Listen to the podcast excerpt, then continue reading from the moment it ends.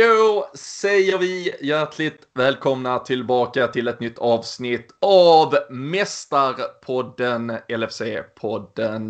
Det är, eh, ja vad är det nu, fem dagar sedan vi blev mästare. Det är fem dagar sedan som den där 30-åriga väntan äntligen tog slut och eh, vi kan väl bara anta att ni där hemma, precis som vi här, har gått runt med ett stort jävla leende på läpparna. Haft ett studs i dojan som eh, ja, man sällan kanske varit med om förr och eh, jag hoppas att ni har präntat det i huvudet på folk omkring er. Eh, det är helt okej okay att vara lite odräglig. Vi skulle ju vara the unbearable reds och eh, varför inte eh, njuta av den möjligheten. Det har varit eh, fantastiska dagar. Det har varit dagar med såklart väldigt mycket eh, kring eh, detta Liverpool som vi nu ska fortsätta eh, njuta av i dagens avsnitt. Men eh, det ska ju också spelas fotboll. Det är ju faktiskt så sinnessjukt att det är sju Premier League-matcher kvar och eh, den första som väntar är ju väldigt speciellt på så sätt att det är mot Manchester City här på torsdag. Ehm, den ska vi också prata upp och prata lite om tankarna för resten av säsongen. Och eh, jag har eh, fått eh, härligt sällskap av Christian Andersson och Kalle Sundqvist. Så ehm, ni får även höra ännu fler nya reflektioner på det där guldet och allt som har hänt den senaste tiden. Vi gör avsnittet i vanlig ordning tillsammans med LFC.se ni där hemma, ni sätter er till rätta. Vi drar igång ett avsnitt till av Mästarpodden.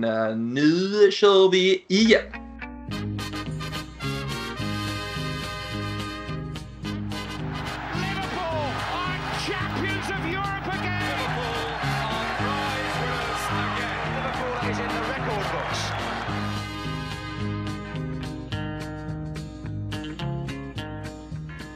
Jajamensan! Eh, nu har vi äntligen eh, kunnat skruva fram eh, klockan så att det har blivit guld uppe i Norrland också, Kalle. Varmt välkommen in i värmen efter eh, fem dagar.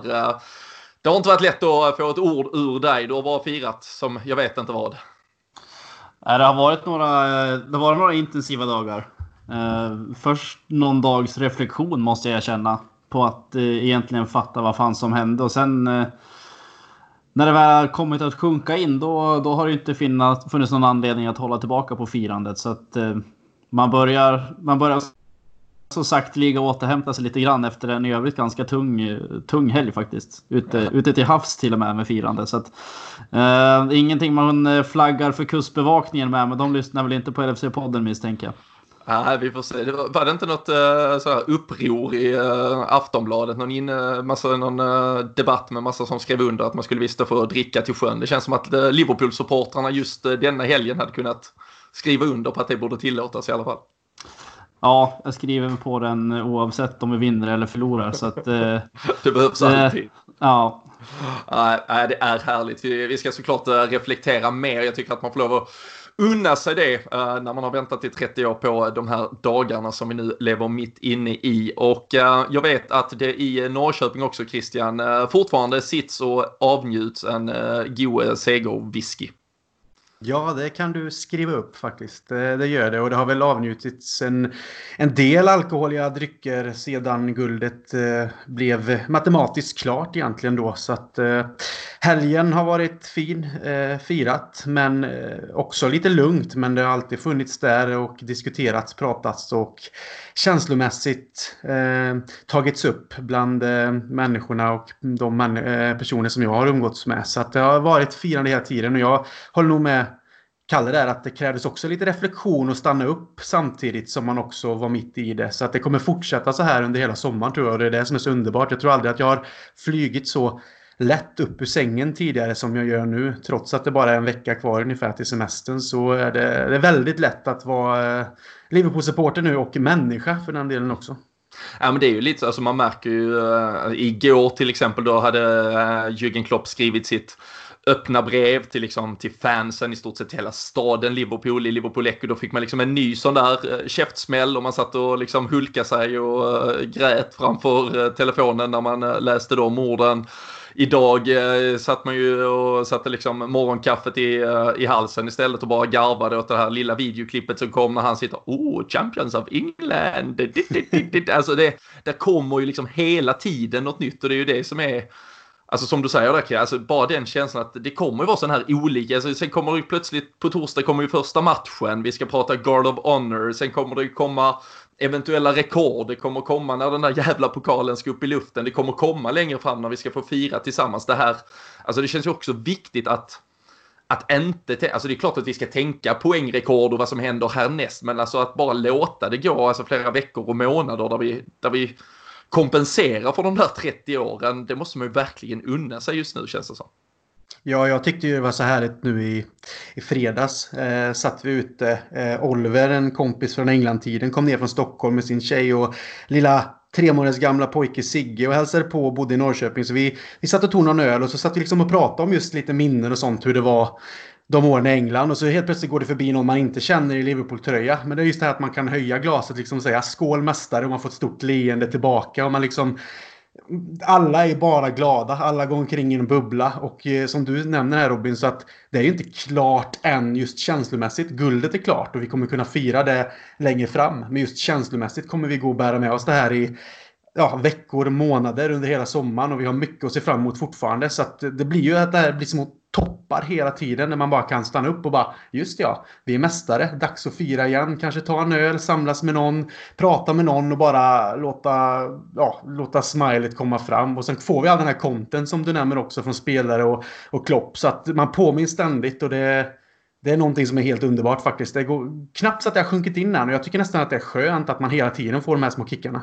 Ja, nej, verkligen. Och vi, vi hoppas ju verkligen att vi också eh, tillsammans, eh, både, både vi eh, som har eh, gjort den här podden tillsammans så länge och eh, framförallt ni då som har eh, lyssnat på den, att vi ska kunna hitta på något tillsammans. Eh, både supporterklubben eh, planerar ju för det, men det är såklart väldigt eh, svårt och det är med förbehåll för allt som eventuellt kan tillåtas lite längre fram. Och vi, vi tittar också på alla möjligheter. Se till att följa oss på sociala medier, det är väl framförallt Twitter där vi heter LFC-podden som, som gäller för att hålla sig uppdaterad. Men Kalle, vad har så här med ändå ett par dagars nu ja, reflektion eller liksom distans till allt det som har varit. Vi satt ju här dagen efter guldet, jag, Danne och eh, Fredrik och pratade om liksom de direkta känslorna. Vad, vad tar du ändå med dig från ja, kanske från torsdagskvällen redan och annars dagarna som följde. Vad är liksom standout-delarna eh, just nu? Nej, men alltså det, det är ju så extremt eh, svårt att ta in delvis egentligen tycker jag också. Speciellt i början var det att det var. Det tog ett tag innan det han landat. Vi verkligen hade hade vunnit vunnit ligan. Eh, lite i slutet på sändningen där egentligen när man börjar eh, se snacket. De avslutar och går ut med You Never Walk Alone och hela den biten. Klippen börjar florera på Twitter och allt som klubben har förberett i förväg börjar komma ut. Det, det är först då man verkligen fattar det. Eh, sen har det egentligen kommit dag för dag egentligen tycker jag. Ju mer man ser spelare som går ut och liksom tackar för allt stöd och liksom hur mycket det betyder för dem och hur mycket det betyder för supportrar och allt som kommuniceras ut både liksom bland fans och från, från klubben generellt. Eh, det, är väl, det är väl först då det börjar sjunka in.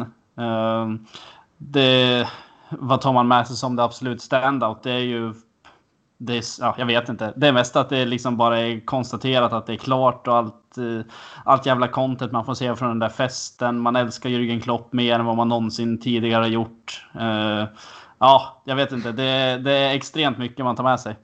Ja, men det, det är ju verkligen så här, alltså, vi, vi pratar ju såklart väldigt mycket Jürgen Klopp senast, men, men man måste ju stanna upp vid det Igen igen, alltså, alltså för det första, vi, vi tog upp, vi hade ljudklipp eh, från liksom hans eh, reflektion över liksom eh, alla genom historien egentligen som hade varit med och lagt fundamentet till, till dit vi nådde till slut i, i torsdags när han pratar om uh, Kenny Dalglish, han pratar om Steven Gerrard uh, och sen liksom så direkt efter det så vet man att han går han runt och, och dansar uh, någon så jävla skön bensaxdans på dansgolvet och, och, så har han den sidan av sig själv.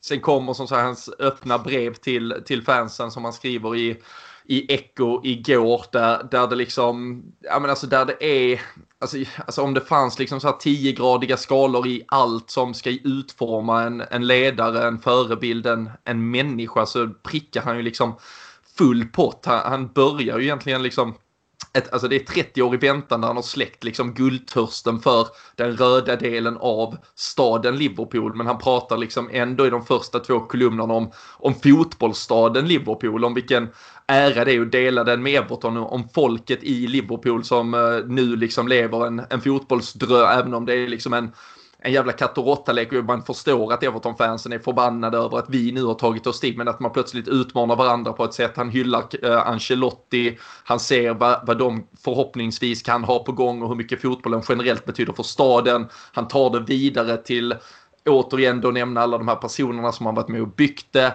Och alltså, han, prickar, alltså, han prickar ju rätt på varenda, alltså, varenda sak han gör, Krill. Och han, Alltså det, är, alltså det blir ju så här tjatigt såklart att säga att han är gjord för klubben men det, alltså han är ju inte bara gjord för klubben, han, han lever ju med han utvecklar den just då. Alltså han tar oss, inte bara, bo, alltså inte bara fotbollsmässigt utan liksom det som Liverpool har historiskt valt att stå för, valt att vara det vi vill vara. Det tar han ju nästan, alltså han tar ju det ytterligare nivå i allt han gör i stort sett.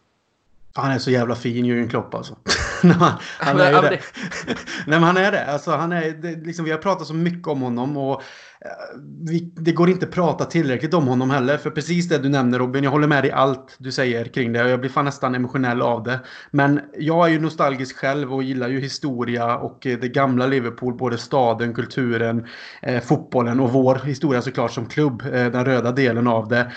Men han, som du säger, väljer att plocka med det, hur viktigt det är att ta med de här delarna in i den moderna tiden, i den här äh, nya eran som han egentligen har tagit oss till. För man kan titta på våra tidigare managers de senaste tio åren. Vi, vi kan ändå se tillbaka på Rafa Benitez, vad han gjorde med Champions League. Han fick tillbaka oss till en viss nivå, vi hade förväntningar. Sen har det gått upp och ner med olika managers, men Klopp är ju perfekt för Liverpool. Han är handen i handsken för den här klubben, för han förstår supportrarna, han förstår staden, han förstår kulturen. Han är en av oss. Det enda skillnaden är, är att han sitter på managerposten och styr klubben. Men bara för att han faktiskt är en typ av supporter och en humanist på det sättet att han, han förstår den vanliga människan, den vanliga arbetande supporten som varje dag sliter för att ha råd till att gå och kolla på sin fotboll och vad det utbringar i känslor och positivitet.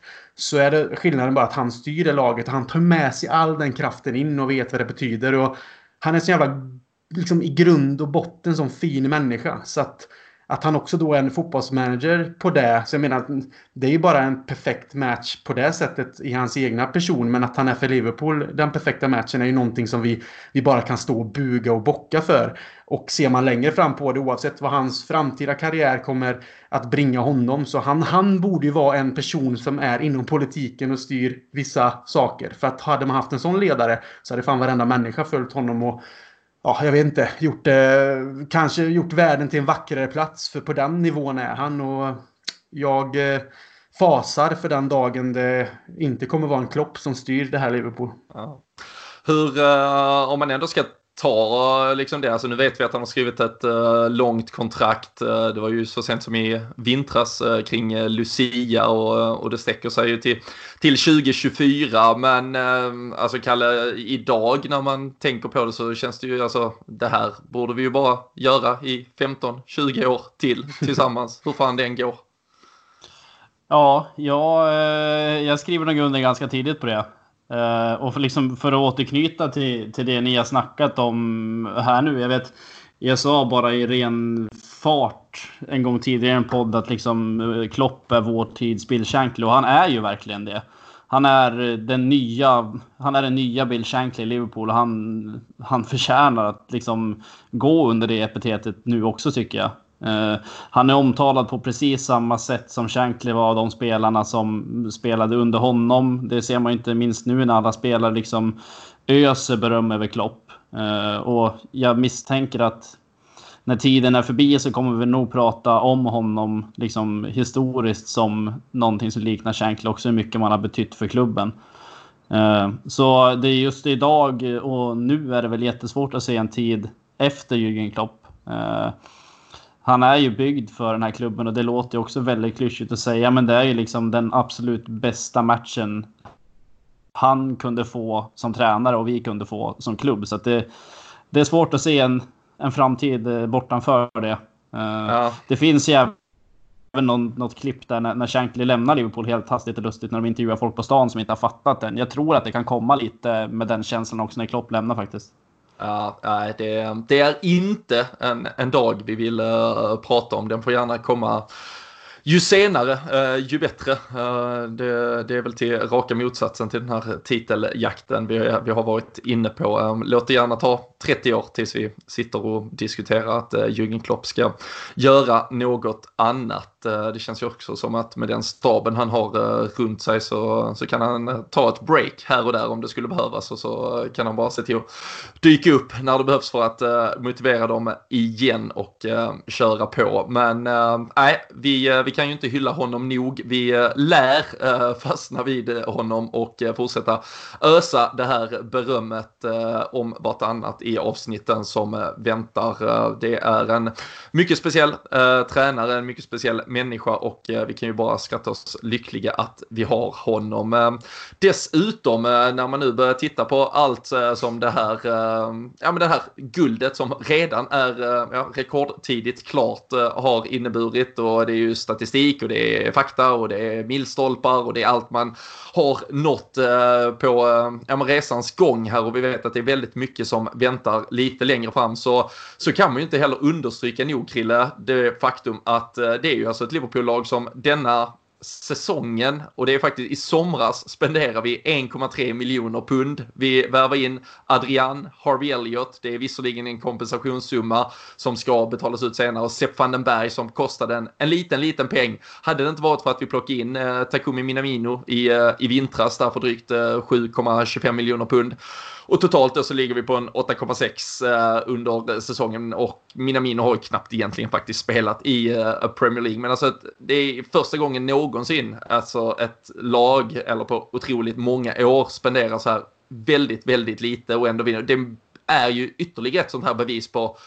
ja, men på det gedigna jobbet som har gjorts väldigt länge för att ta oss hit. Uh, man kan till och med jämföra med ett Leicester som hade liksom värvat för 30 miljoner pund nästan när de vann ligan. Manchester City när de slog sitt po poängrekord 2017-2018, då hade de betalat lite drygt 300 uh, miljoner uh, pund.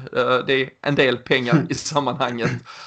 men ja, återigen då, ännu en av de här parametrarna som bara visar på vilket jävla bygge eh, det faktiskt är som nu når hela vägen fram. Ja, tittar man tillbaks på det så pusselbitarna kom ju i och med Coutinho-affären och att vi tog in Alisson van Dijk. Där var ju det som skjutsade uppåt. Eh, sedan tidigare hade ju Klopp och hans stab redan hittat Salah, Mané, alltså spelare som har hittat en hög nivå men som sen Klopp har förvaltat till världsstjärnor liksom. Och det gäller ju även Alisson och van Dijk. De var på höga nivåer innan de kom till Liverpool. Men i Liverpool så har de ju liksom tagit världsstjärnenivån och dessutom har vi eh, lyckats, eller vi säger man ska ge Klopp hans stab och allting, men jag menar som klubb i alla fall förvaltat talangen hos Trent. Eh, Robertson var en eh, degraderad spelare i Hall som kom till oss och har blivit liksom, man måste ändå se på arbetet som Klopp och tränarstaben har gjort här, att man har tagit spelare som har all potential till att bli världsstjärnor. Men du har faktiskt gjort dem till världsstjärnor. Men du har också gjort dem till ett kollektivt lag där ingen egentligen är större än laget utan alla strävar åt samma håll. Du har inte den här tydliga stjärnan som är den här stora ikonen utan alla har det på sitt sätt och det känns verkligen som att det är laget som på något sätt har blivit den här maskinen som vi är nu. Om man tittar över två säsonger, alltså jag vet inte vilka jävla poäng Eh, statistik vi har över två säsonger och även med en Champions League-buckla, eh, VM för klubblag, Supercupen och sen även nu då Premier League och sett till att vi fortfarande går för poängrekord. Så det är sjukt när man ser på förvaltningen av det materialet som har funnits. Och sen är det såklart att det har byggts på under åren som Klopp har varit. Men ser man på den summan som du nämnde nu förra sommaren. Så betyder det att ja, vi behövde kanske tweaka lite med talang här och där för att bygga för framtiden. Vi har liksom sett de här typen av spelare som Sepp van den Berg, Harvey Elliot. Det finns namn som kan utvecklas och bli stora spelare inom ett antal år i Liverpool och ta över vissa roller. Vi tar in dem. Men här har vi redan råmaterialet. Nu arbetar vi med det, förvaltar det, utvecklar det. Och det har vi sett Klopp göra kanske inte så tydligt för min del i Mainz, men han har ändå på något sätt gjort det. Men i Dortmund däremot så fick man ju se spelare som man inte hade en aning om som sedan blev stora på världskartan på grund av att de lyckades vinna Bundesliga och bli stora där. Och precis samma sak har han gjort i Liverpool och det är ett arbete man absolut inte får bortse ifrån utan det ska hyllas och hyllas återigen. Så man får faktiskt inte glömma det att vissa klubbar har utan att säga att de har köpt till sig all framgång så ser man då på, på City med nästan 300 miljoner pund. Och vi då, vad sa du, 8,6. Eh, mm. Det är en stor jävla skillnad och ser man till arbetet då som, har, som Klopp har gjort med de här spelarna så det är helt fantastiskt. Det är svårt att se att någon nästan någonsin skulle klara av att göra detsamma om jag ska vara helt ärlig. Nej, nej, det känns ju... Det känns lite eh, så faktiskt. Eh, sen, eh, jag satt och reflekterade, så man har reflekterat mycket över liksom, spelarinsatser och, och allting. Och det pratas såklart om en Jordan Henderson den här säsongen. Trent som är the local lad som har liksom, växt ut till menar, en av hela världens bästa fotbollsspelare egentligen. Van Dijk, den stabiliteten han har ingjutit.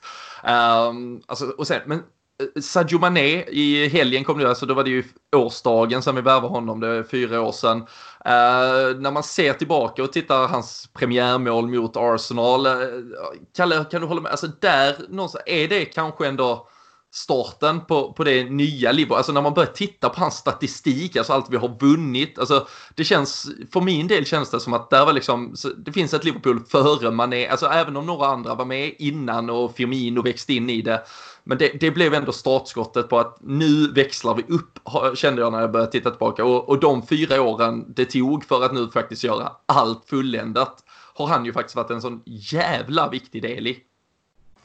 Ja, eh, alltså det, det, blir alltid lätt att sitta och romantisera sig när man ser tillbaka. Men när man sitter där med facit i hand så, så det finns spelare som har varit viktigare än Sadio Mané på senare år. Det är, liksom, det är efter att vi tog in Alisson och van Dijk, precis som vi har nämnt. Det var ju då vi tog liksom nästa steg på riktigt till att bli det här absoluta giganten. Eh, men eh, liksom för att se snäppet innan det och när man liksom fick se den utväxlingen vi fick av värvningen på Mané som jag vet inte, när vi värvade honom, det är klart att det var en prestigevärvning då och vi fick honom för ja, relativt mycket pengar då, 30 miljoner pund ish någonstans var vi betalade. Eh, och det, det, var, det, det strödde man ju inte omkring sig som man gör idag på spelare. Eh, så att, eh, och jag håller med dig. Alltså, jag tycker att man är... Han är nog vår bästa alltså, spelare. Han är vår bästa offensiva spelare, tycker jag. Eh, sen, finns det, sen finns det spelare som fyller viktigare roll i laget kanske, om man skulle märka tydligare om de var borta. Men Nej, jag, jag håller med. Mané var nog lite av en, av en start, liksom ett start, ett steg, det första steget till att kanske börja hota på en lite bredare front än vad vi gjort tidigare. Ja, det är ju så jävla underbar tweet som uh, gick varm där i helgen också när det var markerade den här fyraårsdagen. det är väl någon United-supporter som liksom subtweetar med liksom att uh, vi köper, att vi köpte Mané och, men de fick uh, Mkhitaryan för samma pengar och så bara garvar de. Det, det är lätt med facit i hand såklart, men alltså jag tyckte väl även att potentialen kanske ändå låg även i, i vår fördel redan från början. Men det, det är ju löjligt. Han eh, alltså snittat eh, mål varannan match eh, sen han kom i stort sett. Han har vunnit allt man kan vinna. Han delade skytteligatiteln förra säsongen. Han kan ju absolut lägga sig i den leken även nu. Men även om det är gamle Liverpool-sonen, höll jag på att kalla honom, men i alla fall bekantingen Danny Ing som ser ut att kanske rycka ifrån där uppe. Men, ja, men lite sådär sliding door-ögonblick att det blev Mané och inte någon annan där kanske. Och eh, fick upp en annan sån eh, tweet med någon eh, från två år tillbaka där eh, Chelsea uppgavs vara supernära att värva Allison. Eh, sen blev det ju som vi vet eh, att han kom till Liverpool istället. De fick ta Kepa. David Maddock hade skrivit ut att Liverpool skulle satsa på Danny Ward. det är fan kul krille när man alltså sitter nu med, med facit i hand med allt det blev och liksom ändå Dutch a bullet lite här och var och att det blev så jävla perfekt som det blev till slut.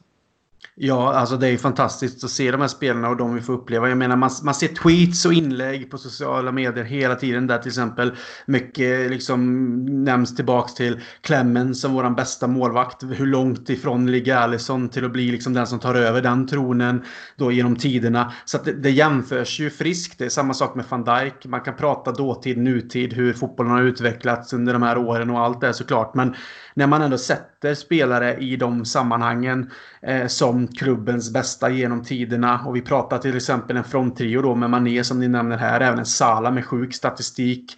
En Firmino som på något sätt kanske inte gör målen men som väver ihop allting och som är grunden liksom till pressspel och att hitta rätt. Liksom är finurlig där framme, låter de andra få sina ytor och sin frihet till ett hårt arbetande mittfält. Alltså, det, det är svårt att titta på det. Man kan prata om spelare för spelare, vem som är bäst i Premier League och så vidare. Men ser man till ett lag och vilken funktion eh, alla eh, spelare har i sina delar så jag menar, det är ett världslag med kanske några av de bästa fotbollsspelarna som som liksom finns just nu och som även man tittar på det. En sån som Jordan Henderson kanske inte är den bästa fotbollsspelaren men han är kanske en av de bästa ledarna du kan ha. Han har vuxit ut från att ta över den här kaptensbindeln som har varit tungt Och gå liksom i Steven Gerrards skor. Det gör man liksom inte på en natt och bara ja ah, men jag tar över den från Steven Gerrard, en legend liksom som har varit kapten sedan han var 23 och burit den här klubben på sina axlar. Men han har ju vuxit ut varje säsong. Han har aldrig slutat kämpa. Han har bara fortsatt och blivit en bättre fotbollsspelare med tiden också. Men också den här typen av ledare som andra spelare kanske behöver ha i sitt lag för att prestera. Någon som manar på och pushar på lite extra. Så att det, det, det, här laget är fantastiskt och man får ju återigen gå till Klopp då och se den ledare han är och hur han smittar av sig. Så att nej, när vi tittar på de här spelarna och kommer titta tillbaka om 10, 15, 20 år så kommer vi antagligen stå här liksom och verkligen säga det att det var de bästa vi har sett i Liverpool någonsin. Liksom, det finns ingen tvekan om det. Och eh, Kalle, du sa du var ute till havs i helgen. Det måste börja bli trångt i eh, Jordan Henderson-båten eh, nu också. Gerard var ute och hyllade, sa han kunde inte varit stoltare över vem han lämnade över binden till. Luis Suarez pratade om kanske den bästa lagkaptenen i hela världen. Då har han ändå Messi, även om det är en helt annan typ av kapten såklart i Barcelona. Men han har passerat några andra. Det, ni tre guppar fint på sjön uppe i norrländska havet. Ja, det börjar bli lite småtajt i den där båten nu faktiskt. Uh, man har ju haft någon, tapp, man har haft någon tapper krigare med sig genom åren. Uh, som, som, har, som har kanske sett någonting. Uh, nej, skämt åsido, men det, det Jag tror också att man förstår så här när spelare verkligen kommer ut. Okej, okay, det är ett jätteenkelt tillfälle för många att kanske säga någonting nu också, men jag tror att många genuint går ut och säger vad de tycker och hur viktig han ändå är för, för laget. Uh, han kanske inte är den här klassiska gamla engelska ledartypen som det var förr, men de existerar ju inte riktigt heller längre. Ja, och sen är det för, uh, vill du ha liksom Lee Cattermole som lagkapten? Nej, det, nej alltså, det är det du inte vill. Det är för att det är någon slags glorifierad bild över hur en gammal engelsk lagkapten ska vara som inte existerar. Som liksom motsvarar mycket annat stenålderstänk som, som florerar i samhället här på senare tid. Men eh, nej, det är klart att man, eh, man blir lite stolt så här i, på gamla dagar. Eh, ja, och, och fan, inte, alltså... inte fan hade man kunnat trott heller. Det är klart att det har ju varit en viss, eh, en viss ironi i det där också. Jag har alltid gillat Henderson för att man liksom sett någon form av kämpaglöd och vilja tycker jag sen han kom till Liverpool. Sen har det inte alltid varit den bästa spelaren, men nu tycker jag fan att han är både och alltså. Mm. Ja, nej, verkligen. Nej, men jag tycker, men samtidigt som du säger, så det är klart att det är klart att det passar jävligt bra i narrativet att liksom Steven Gerrard lägger över ut en bild på att han gav, gav vidare binden till, eh, till Jordan Henderson och det, det, det passar ju Eh, det passar väl alla perfekt liksom. Man vet att den bilden kan komma och så sitter man ändå och, och eh, liksom uh, försöker svälja uh, gråten i stort sett. Men, men en Luis Suarez som blir upprest, alltså det, det, finns ju jävligt mycket han kan välja att säga om det här Liverpool-laget som inte behöver vara det första att uh, Jordan Henderson är typ världens bästa lagkapten. Så alltså, det är ju verkligen, äh, men alltså hans tid är nu och, och jävlar vad man unnar honom det. Så nej, vi, eh, vi lär väl fortsätta stanna upp vid både spelare och eh, ledare som har tagit oss till den här triumfen eh, i ett par avsnitt framöver. Så jag tror att ni står ut med det, men eh, det är ju så jävla härligt att ehm, ja, minnas, tänka, bara njuta av de här spelarna som har tagit oss hit. Men det ska faktiskt eh, spelas lite fotboll också eh, snart igen. På torsdag kväll så åker vi till Etihad till ja, andra placerade Manchester City 23 poäng bakom oss och eh, enligt eh, då all, eh, ja, men all historisk uh, rättvisa, uh, rättvisa men enligt boken och hur man ska uh, sköta saker och ting så uh, har också Pep Guardiola understrukit att det blir en så kallad Guard of Honor. Manchester City-spelarna kommer att ja, ställas upp i led och applådera in mästarna Liverpool. Men eh, det fick Danny Murphy, gammal Liverpool-spelare dessutom, att uh, tappa hakan, Krille. Men uh, sen gör han uttalandet i Talksport och då ska man ju ta allting med en uh, nypa salt. Men han tyckte det var för jävligt att en spelare som Kevin De Bruyne skulle behöva applådera vissa spelare som är väldigt mycket sämre än honom. Och uh, Kalle pratade om forntida uh, tankegångar. Danny Murphy är väl bara att checka in varenda box i den rutan känns som. Ja, alltså jag personligen har ju alltid gillat Murphy fram tills idag. Nej, men skämt åsido så jag tycker att det är jätterespektlöst uttalande liksom, eh, från honom då eftersom att det ändå cirkulerat i olika medier och Liverpool Echo och andra har tagit upp det med. Så att, jag, jag vet inte liksom hur det här med sanningsenlighet och allt så vidare. Men, ja, men alltså, det man... måste också bara vara att alltså, de får, det är liksom så här, du får 50 000 i handen och så drar du ett jävligt idiotiskt citat och så får vi ja. klick. Alltså, det är, sen är det ändå så jävla lågt av Danny Murphy att göra det. Liksom. Precis, det blir ju liksom att man tappar respekten där med en gammal Liverpool-spelare som ändå kom väldigt ung och hade bra perioder och dödade Man United lite hit och dit. Men jag menar, säger man det här liksom då att ja, men Kevin De Bruyne som liksom antagligen är världens bästa mittfältare, eh, att han ska stå och applådera spelare som inte ens eh, liksom är värda till att knyta hans skor om man tittar på Liverpool-laget på pappret, vilka spelarna är, vilken poängskillnad som är, hur tidigt vi har vunnit eh, ligan, vilket poängrekord vi fortsatt kan ta och så vidare. Så jag tycker det är fruktansvärt lågt och respektlöst oavsett om man har fått pengar i handen för det här för att göra liksom clickbait eller inte. Eh, det känns jättekonstigt för jag menar tittar man på Kevin De Bruyne, absolut, han tillhör världseliten på mittfältet. Men eh, tittar man liksom på en, en trend då när det kommer till assist och mål. Jag menar mål har Kevin De Bruyne kanske en annan grej för att han ligger eh, på mittfältet och kommer utifrån och är jävligt. Han är liksom en av de bästa. Men tittar man liksom på Trent då som har assist uppe på, vad är han, 12 eller något sånt här? Ja men det är skit, alltså statistik, det är så ett jävla bull. Ja men alltså, såhär, tre så... mål och så tittar man såhär, ålder och allting. Jag tycker liksom såhär att, ja men vad fan, tittar man på positioner och sånt, ja fan. Såhär, det har ju inte med saken att göra, det har inget med saken att göra. Alltså det är som om man skulle säga Grekland vann EM 2004 men såhär, ja, ja, ja. Ronaldo, du får ändå en guldmedalj för du är ju bättre. Ja, det vet väl alla att du är. Det, det är ju inte saken.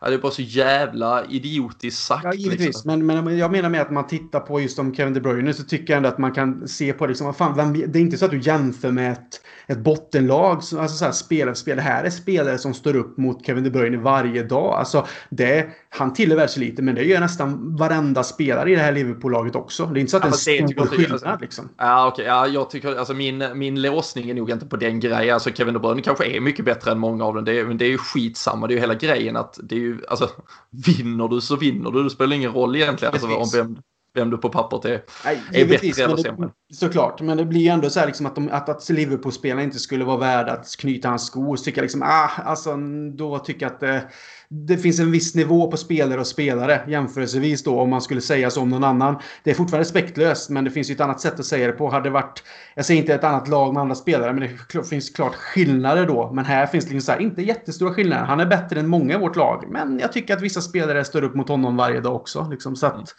det är där jag också kan bli förbannad på. Liksom att fan det, det är många spelare i Liverpool-laget som många City-spelare kanske faktiskt skulle ställa sig ner och knyta skorna på utan problem också då, skulle jag säga. Ja, det känns bara så här. Mendy och de här, jag vet inte fan om de ens kan knyta skorna. Det känns Nej. som... Känns som, det är, känns som det är sån här jävla uh, sockerplast eller på att säga. Tyvärr ja, på dem. Nej, så att, uh, det är ett jävligt dumt uttalande oavsett. Ja, nej, men det är det ju verkligen. Men uh, Kalle, principen Guard of Honor, vad, vad tycker vi ändå om det? Um, kan det? Nu är det såklart jävligt uh, häftigt och härligt att det är Liverpool som ska gå den. Uh, är det ett uh, vettigt inslag eller är det något man kan pensionera i, egentligen? Nej, men jag tycker väl att det är en ganska jag tycker väl det är ganska schysst grej. Det är ganska fair egentligen. Det, man ska väl, vinner man en liga så ska man förtjäna liksom all form av hyllning man kan få. Och kan man då få det av sina liksom ändå kollegor eller vad man ska säga, eller motståndarlag. Så då tycker jag väl det är väl, det är väl bara bra. Och det ligger väl, det är väl en djupt rotad tradition, liksom inte bara inom idrotten, utan men det, den connection man har till det själv är ju via Premier League. Uh, och jag hade faktiskt ärligt aldrig uppfattat att det var en grej om man liksom får välja om man ska göra det eller inte. Uh, jag, jag trodde att det var för givet att man, uh, man kostar på sig och står där och applåderar mästarna. Sen, sen är det ingenting med det, även om man gillar det eller inte. Men gör och får det överstökat och det, det, är väl, det är väl en cool grej tycker jag. Lite, ja. lite, lite sådana där, alltså.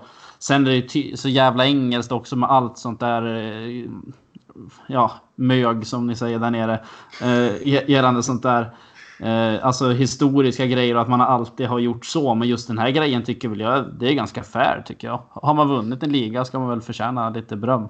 Ja, och det, alltså, det, det, är väl applicerbart i allting. Alltså är det, om det så är ett eh, presidentval eller vad det är, alltså den första att gratulera ska väl vara tvåan så att säga egentligen. Sen, alltså just nu blir det ju då väldigt tydligt att det är tvåan eftersom det är Manchester City men ändå att det blir en markering från någon som inte nådde hela vägen fram. Här kommer liksom de som faktiskt vann, de som gjorde det bäst. Eh, låt oss eh, applådera dem. Så, nej, jag tycker också det är en, eh, en snygg sak att göra. Uh, Danny Murphys uttalande känns bara otroligt pajigt på alla sätt och vis. Så, både både vad gäller det där med att, alltså det, för det första är det inte så jävla mycket kvalitetsskillnad och sen är det egentligen helt sekundärt i eh, sammanhanget. Eh, det är klart du alltid kommer kunna hitta en bättre spelare än någon i ett eh, motståndarlag, men det handlar ju om att laget ska vinna. Så nej, det kommer bli ett Liverpool-lag som vandrar in på Etihad till eh, applåder av eh, hemmalagets eh, spelare åtminstone. Men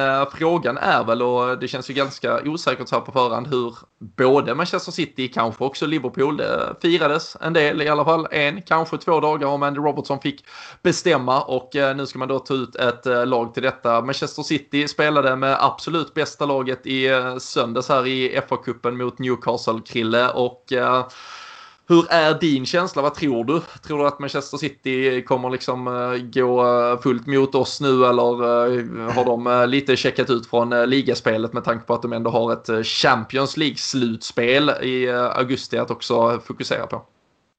Jag tror att de är sugna på att slå oss.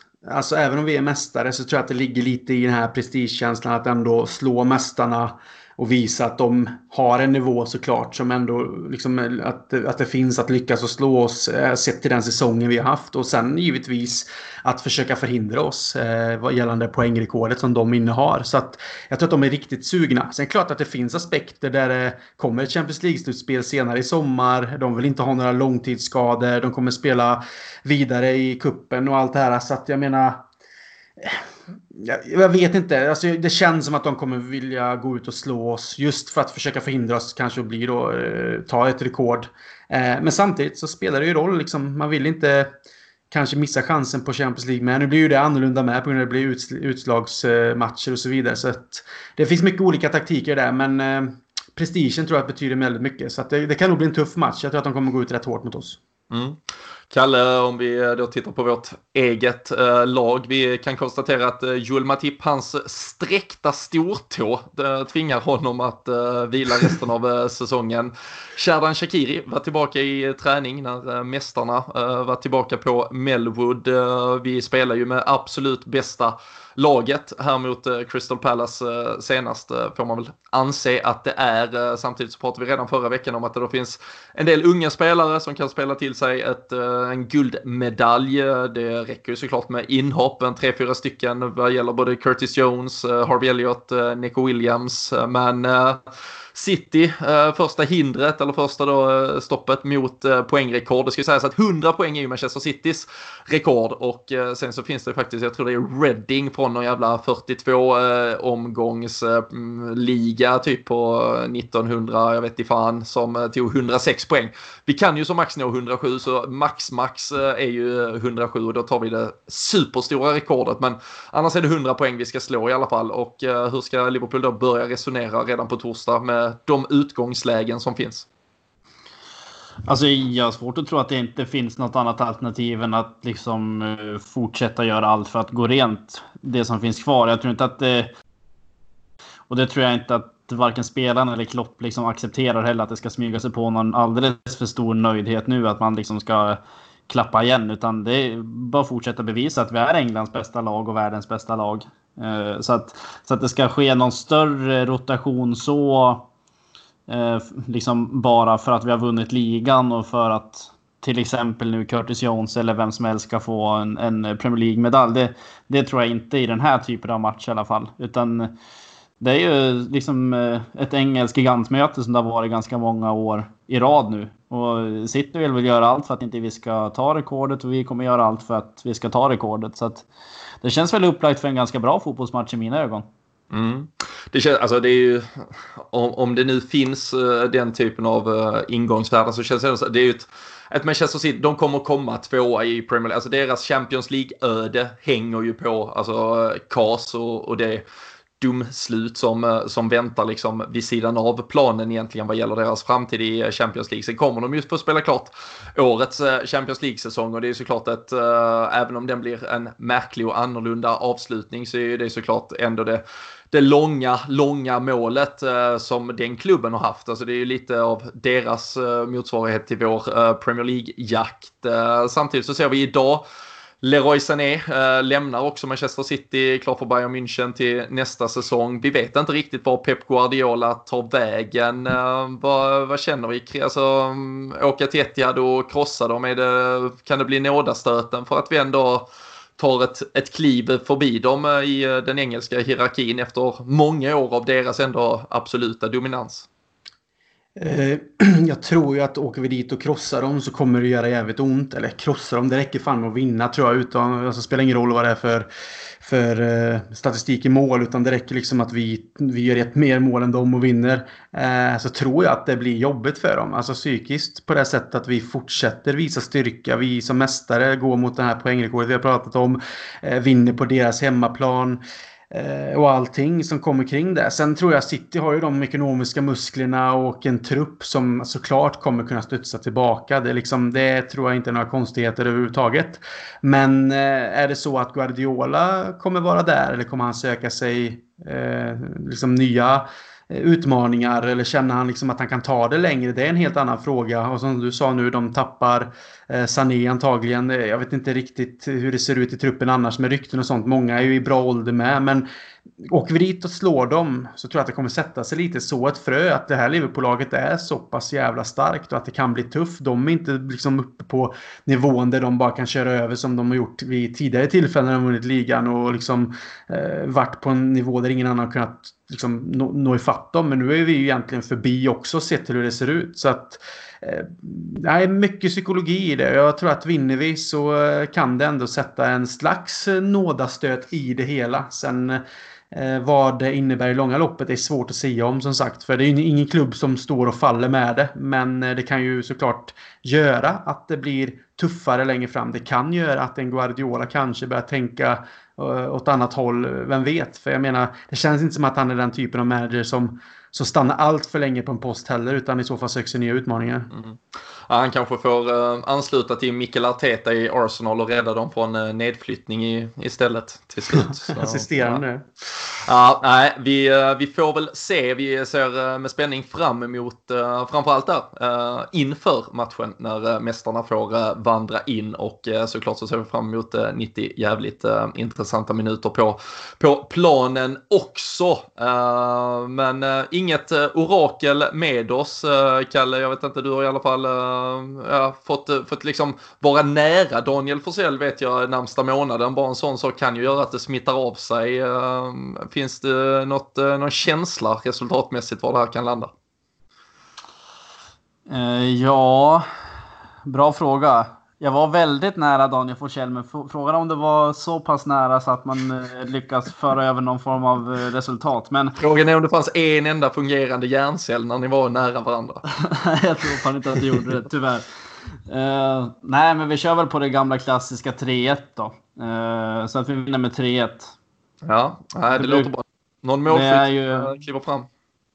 Uh, Salah Ja. behöver några pytsar nu när eh, Danny Ings eh, springer på i toppen. Ja, det behöver han. Uh, nej, men vi kör väl att eh, Trent gör en och sen så kan Salah och Mané göra en varsin då. Ja, låter, eh, låter eh, acceptabelt från, eh, från min sida. Jag Tack. eh, kör gärna på det också. Eh, Krille, någon annan känsla? Eh, jag säger 2-1 till Liverpool då.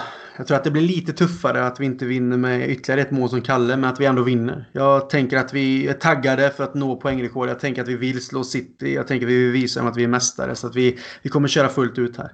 Ja. Alltså de har ju såklart, alltså just det här att bara liksom få stoppa oss eller någonstans, okej Liverpool blev mästare men vi är lika bra som dem eller till och med alltså, bättre. Eh, alltså så länge vi har vår dag så att säga. Så det är klart att det är en, en faktor för dem på torsdag men, men annars är det så, alltså de är, det är helt, det är fullständigt ingenmansland i, i tabellen. Det, det finns viktigare saker för dem framöver. Jag, jag tror också att Liverpool absolut kommer in med lite mer tändning. Eh, uh, sen, sen är det ju omöjligt att egentligen alltså veta vad som har hänt i kroppen. Alltså, även om vi supportrar har kunnat känna att den här titeln var, var på väg, verkligen. Så de har känt länge, men spelarna, jag tror på samma sätt som de har pratat om att eh, liksom, ja, men det är en match i taget, vi måste nå dit, så, så har de nog varit jävligt bra på att också inbilla sig det för att kunna stå ut egentligen, alltså för, för att inte riskera att någonting händer. Och det är ju klart att det måste varit det måste varit något eh, menar, helt sjukt som har släppt från, från liksom deras mentala eh, anspänning eh, i torsdags när, när allt faktiskt blev färdigt. Och det,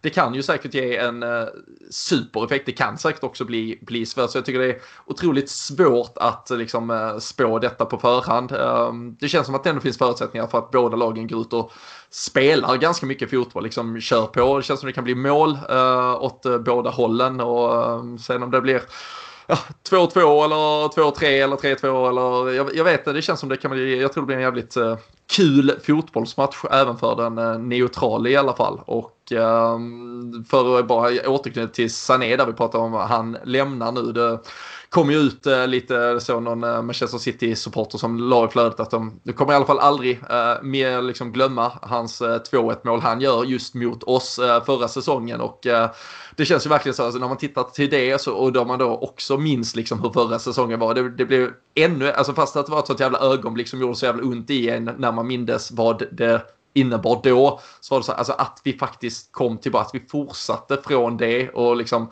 sen dess så, ja, vi hade vår jävla slip mot Watford, men från den där vinterkvällen, det var väl ja, början av januari förra året så, så förlorade vi liksom inte en match och var på väg att vinna ligan förra året och har vunnit den detta år. Äh, det är...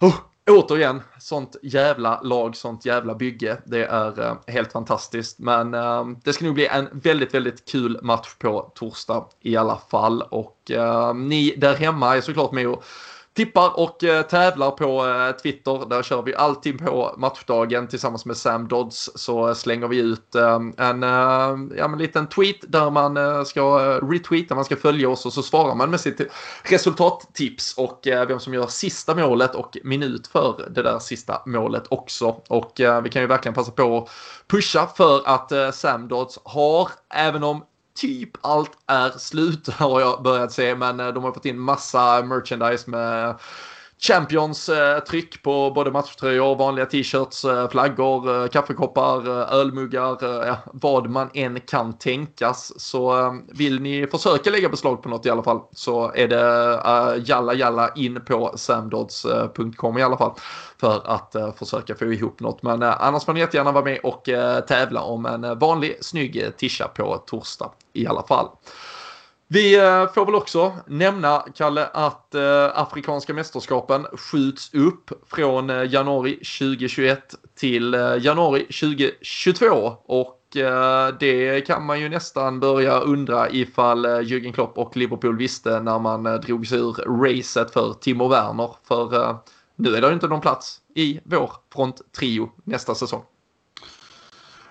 Nej, där är det tajt. Uh, jag vet inte. Det kan de ha hört tisslas och tasslas lite grann från uh, afrikanska kontinenten där. Jag vet inte. Men uh, hade han kommit så hade han ju fått sitta på kvisten. Så är det ju. Och nu, nu får han väl göra det i London istället då. Ja. Ja, men det är ju, vi kan bara konstatera, det är ju bekräftat idag alltså. Det har varit mycket eh, diskussioner om det. Man visste ju att eh, hela nästa säsong skulle bli eh, ganska komprimerad och ihoptryckt och att alla ja, men internationella sådana här uh, olika avbrott. Uh, det är ju Nations League, uh, ligger väl absolut i farozonen. Det är väl träningsmatcher inför ett uh, stundande EM som redan är uppskjutet så att säga. Det är diskuterat också just nu egentligen väldigt intensivt kring hur ligacupen ska omformeras antagligen till nästa säsong. Men det här Krille är ju, det är superhärliga nyheter för Liverpool. Det är en Mané, det är Salah, det är Keita åtminstone som annars hade säkert missat 6-7 eh, matcher. Nu blir det ju säkert så att de gör det om ett år istället, men eh, då har vi ju plötsligt eh, ytterligare en förhoppningsvis mer normal sommar till att förbereda oss inför det. Ja men exakt. Jag har gått och tänkt lite på det där ändå. Om man tänker på att man skulle liksom såklart kommer att vilja försvara en titel och, och gå för det igen med den här truppen. Men att tappa den typen av, eller de typerna av spelare som du nämner här. Så det är ett stort avbräck för vilket lag som helst. Eh, vi har ju inte den backupen på det sättet heller, men jag menar så som de passar in i hela det här lagbygget och det de bidrar med eh, i poäng. Liksom, det, det, skulle göra ont att ha dem borta så länge. Vi har ju inga backuper som kan komma in och göra den, den typen av jobb. Även om vissa spelare kan göra en del av jobbet. Så att det är underbara nyheter på det här sättet. Och som du säger Robin, vi får ytterligare en säsong eller ett år på oss att förbereda oss. Kanske hitta taget som skulle kunna komma in likt en Werner egentligen var då. Eh, och som skulle kunna komma in och göra det här eh, jobbet om det så att de försvinner därefter då. Så att eh, skönt med mer tid, skönt att det är uppskjutet, skönt för Liverpool. Så att eh, nej, då går det att njuta istället och känna att vi, har, vi är i alla fall intakta på det sättet till nästa säsong. Mm. Um, Ligacupen är också en uh, het potatis. Uh, jag såg de hade någon utfrågning med uh, Premier League-basen här uh, under dagen. Uh, pratar egentligen uh, högt och lågt kring allting.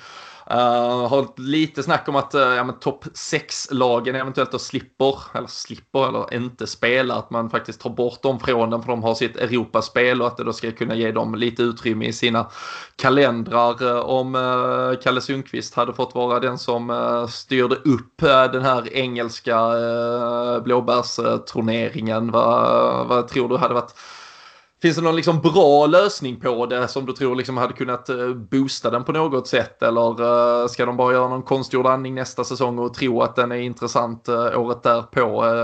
Det har ju länge redan ändå varit omdiskuterat kring hur seriöst lagen faktiskt har det. Ja, eh, det är en turnering som lider av kronisk pyspunka, vad ska man säga. Den blir ju bara sämre och sämre för, för varje år. Eh, och jag är inte alls intresserad av, av den om jag ska vara ärlig. Eh, så att om man kan lyckas hålla sig i topp 6 och inte behöva vara med där så har det väl aldrig funnits fler incitament än att försöka komma topp 6 i Premier League tycker jag. Så att det det, det, kan väl vara något sånt. Det får väl bli deras typ av, eh, alltså de som är utanför topp 6. Deras stora grej kanske att, eh, ja men, ja, jag vet inte. Jag är jätteglad om det kan glädja något mitten eller bottenlag i Premier League om de kan vinna ligacupen och vi slipper vara med. Så jävla inhemsk variant av Intertoto-cupen. Ingen vill vara med egentligen. Nej. Men äh, det, det hade ju varit snyggt när man liksom når topp 6 och sådär och blir intervjuad direkt efter matchen. Så här, äh, ni är klarade, det blir Europa League. Äh, men framförallt, vi slipper ligacupen. Det, det har varit målet med säsongen. Hela säsongen har vi fokuserat på det här. Det är alla grabbars gemensamma målsättning. Nej, vi, eh, vi får väl se. Krille, har du någon eh, tankar kring eh, hur man hade kunnat utforma den framöver? Om vi nu har den turen att kommande säsong ändå blir första steget i att slå i sönder den. Egentligen inte. Jag tycker att det låter rätt så bra. Alltså att man, man någonstans skippar då topp 6. Att involveras i det. Och köra på det som är, betyder något. Om man ska ändå generalisera lite för de klubbarna. Sen är det väl roligare då kanske om mittenklubbarna och bottenlagen får liksom kanske en möjlighet till en titel. Jag menar man vet inte vad det kan eh, liksom elda på i, i, en kamp om överlevnad i Premier League. Att komma ännu högre upp eller så. En titel är ändå en titel. Och Det skrivs in och spelarna får känna på framgång. Så att det låter väl som en bra idé. Jag har inte så mycket att säga om det. Utan jag tycker att det, skulle vi slippa det på det sättet men det gläder andra som Kalle säger så tycker jag absolut att det, varför inte?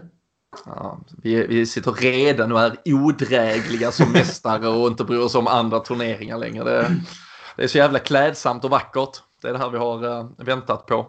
Europamästarna, världsmästarna och de engelska mästarna bryr sig inte längre om den här typen av eh, turneringar. Nej, det ska man såklart inte uh, helt eh, uh, negligera. Det har varit uh, stora stunder för, uh, för vår del också. Det var ju faktiskt den första finalen Klopp uh, tog oss till. Minns hur jag stod på ett iskallt jävla Wembley när vi förlorade på straffar mot Manchester City. Kanske den tråkigaste matchen som jag någonsin sett uh, live. Förutom Swansea-matchen, Kalle, när uh, du stod och lovade att vi uh, skulle vinna utan problem och sen fick torsk med 3-2. Vi släpper i alla fall inte in mål, vill jag minnas att jag sa. Ja, äh, så var det. Och sen, vad tog det? 10 minuter i kaffekön och så var det 2-0 till Swansea. Ja, Jorenta hade väl hängt två mål innan man ens hade tagit två munnar på kaffet. Så att, eh... ja. Oraklet. Ja. Då fick du spetsa dig kaffet med något annat då helt enkelt. Ja, man har aldrig varit närmare att lämna arenan. Nej, hade, hade man erbjudits bara, alltså hade man fått en filt om man gick därifrån så hade man ju sprungit i alla fall. Så jävla kallt det var den där kvällen. Men så är det. Det är inte alltid varmt. Det vet jag. Så, otroligt stark spaning från uh, Norrland. Jävla citat, det måste jag ta med mig alltså. Det är inte det alltid är inte alltid Det vet jag, Norrland. Ja, ja det är bra. Ja. bra. Ja, det har till och med faktiskt varit dåligt väder nere i eh, Skåne idag så även vi har lärt oss den eh, hårda vägen.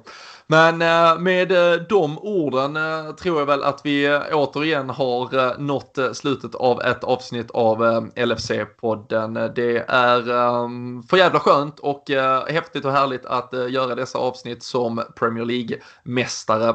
Vi har väntat och vi lovar att fortsätta njuta av det inför och efter varje match. Det är intensivt så det förslår här framöver och vi är såklart såklart er eh, ja, men, eh, trygga eh, famn igenom allt detta. Vi eh, pinnar på som vanligt och kommer såklart tillbaka med ett nytt avsnitt någon gång efter Manchester City-matchen här på torsdag. Om ni tycker att det har varit en häftig resa under de här sju åren med LFC-podden och det har varit jäkligt kul måste jag säga och jag tackar återigen för alla er som hör av er och säger att ni har liksom följt podden och att ni känner att det har varit liksom en, en del av ert mästerskap de här åren fram till det här guldet. Vissa kanske har varit med hela vägen från start, vissa har eh, trillat in längs vägen men eh, gillar man det vi gör, vill ni att vi ska kunna fortsätta göra detta, växa ytterligare, förhoppningsvis kunna styra upp en hel del härligheter när vi väl får chansen. Så bli gärna Patreons. Det kostar eh, 2 dollar som vi hoppas att ni har möjlighet att avsätta i månaden och det gör i slutändan väldigt stor skillnad för eh, att vi kan fortsätta göra detta detta och eh, vi lovar att alltid fortsätta göra det i så fall reklamfritt för er. Hittar vi roliga erbjudanden vi kan ta fram så gör vi det. Det var jävligt skoj att se att klopp-tishan från Nakata till exempel sålde slut eh, hur snabbt som helst. Väldigt många passade dessutom på att använda vår rabattkod och eh, sånt glädjer oss. Vi försöker alltid bara hitta win-win-win situationer för oss allihopa. Men eh, vi är framförallt väldigt glada för att ni lyssnar. Ni gör en ändå detta möjligt och eh, det är för jävla häftigt. Så eh, ut och njut av att ni är mästare så hörs vi snart igen. Tack för att ni är med och lyssnar på LFC-podden.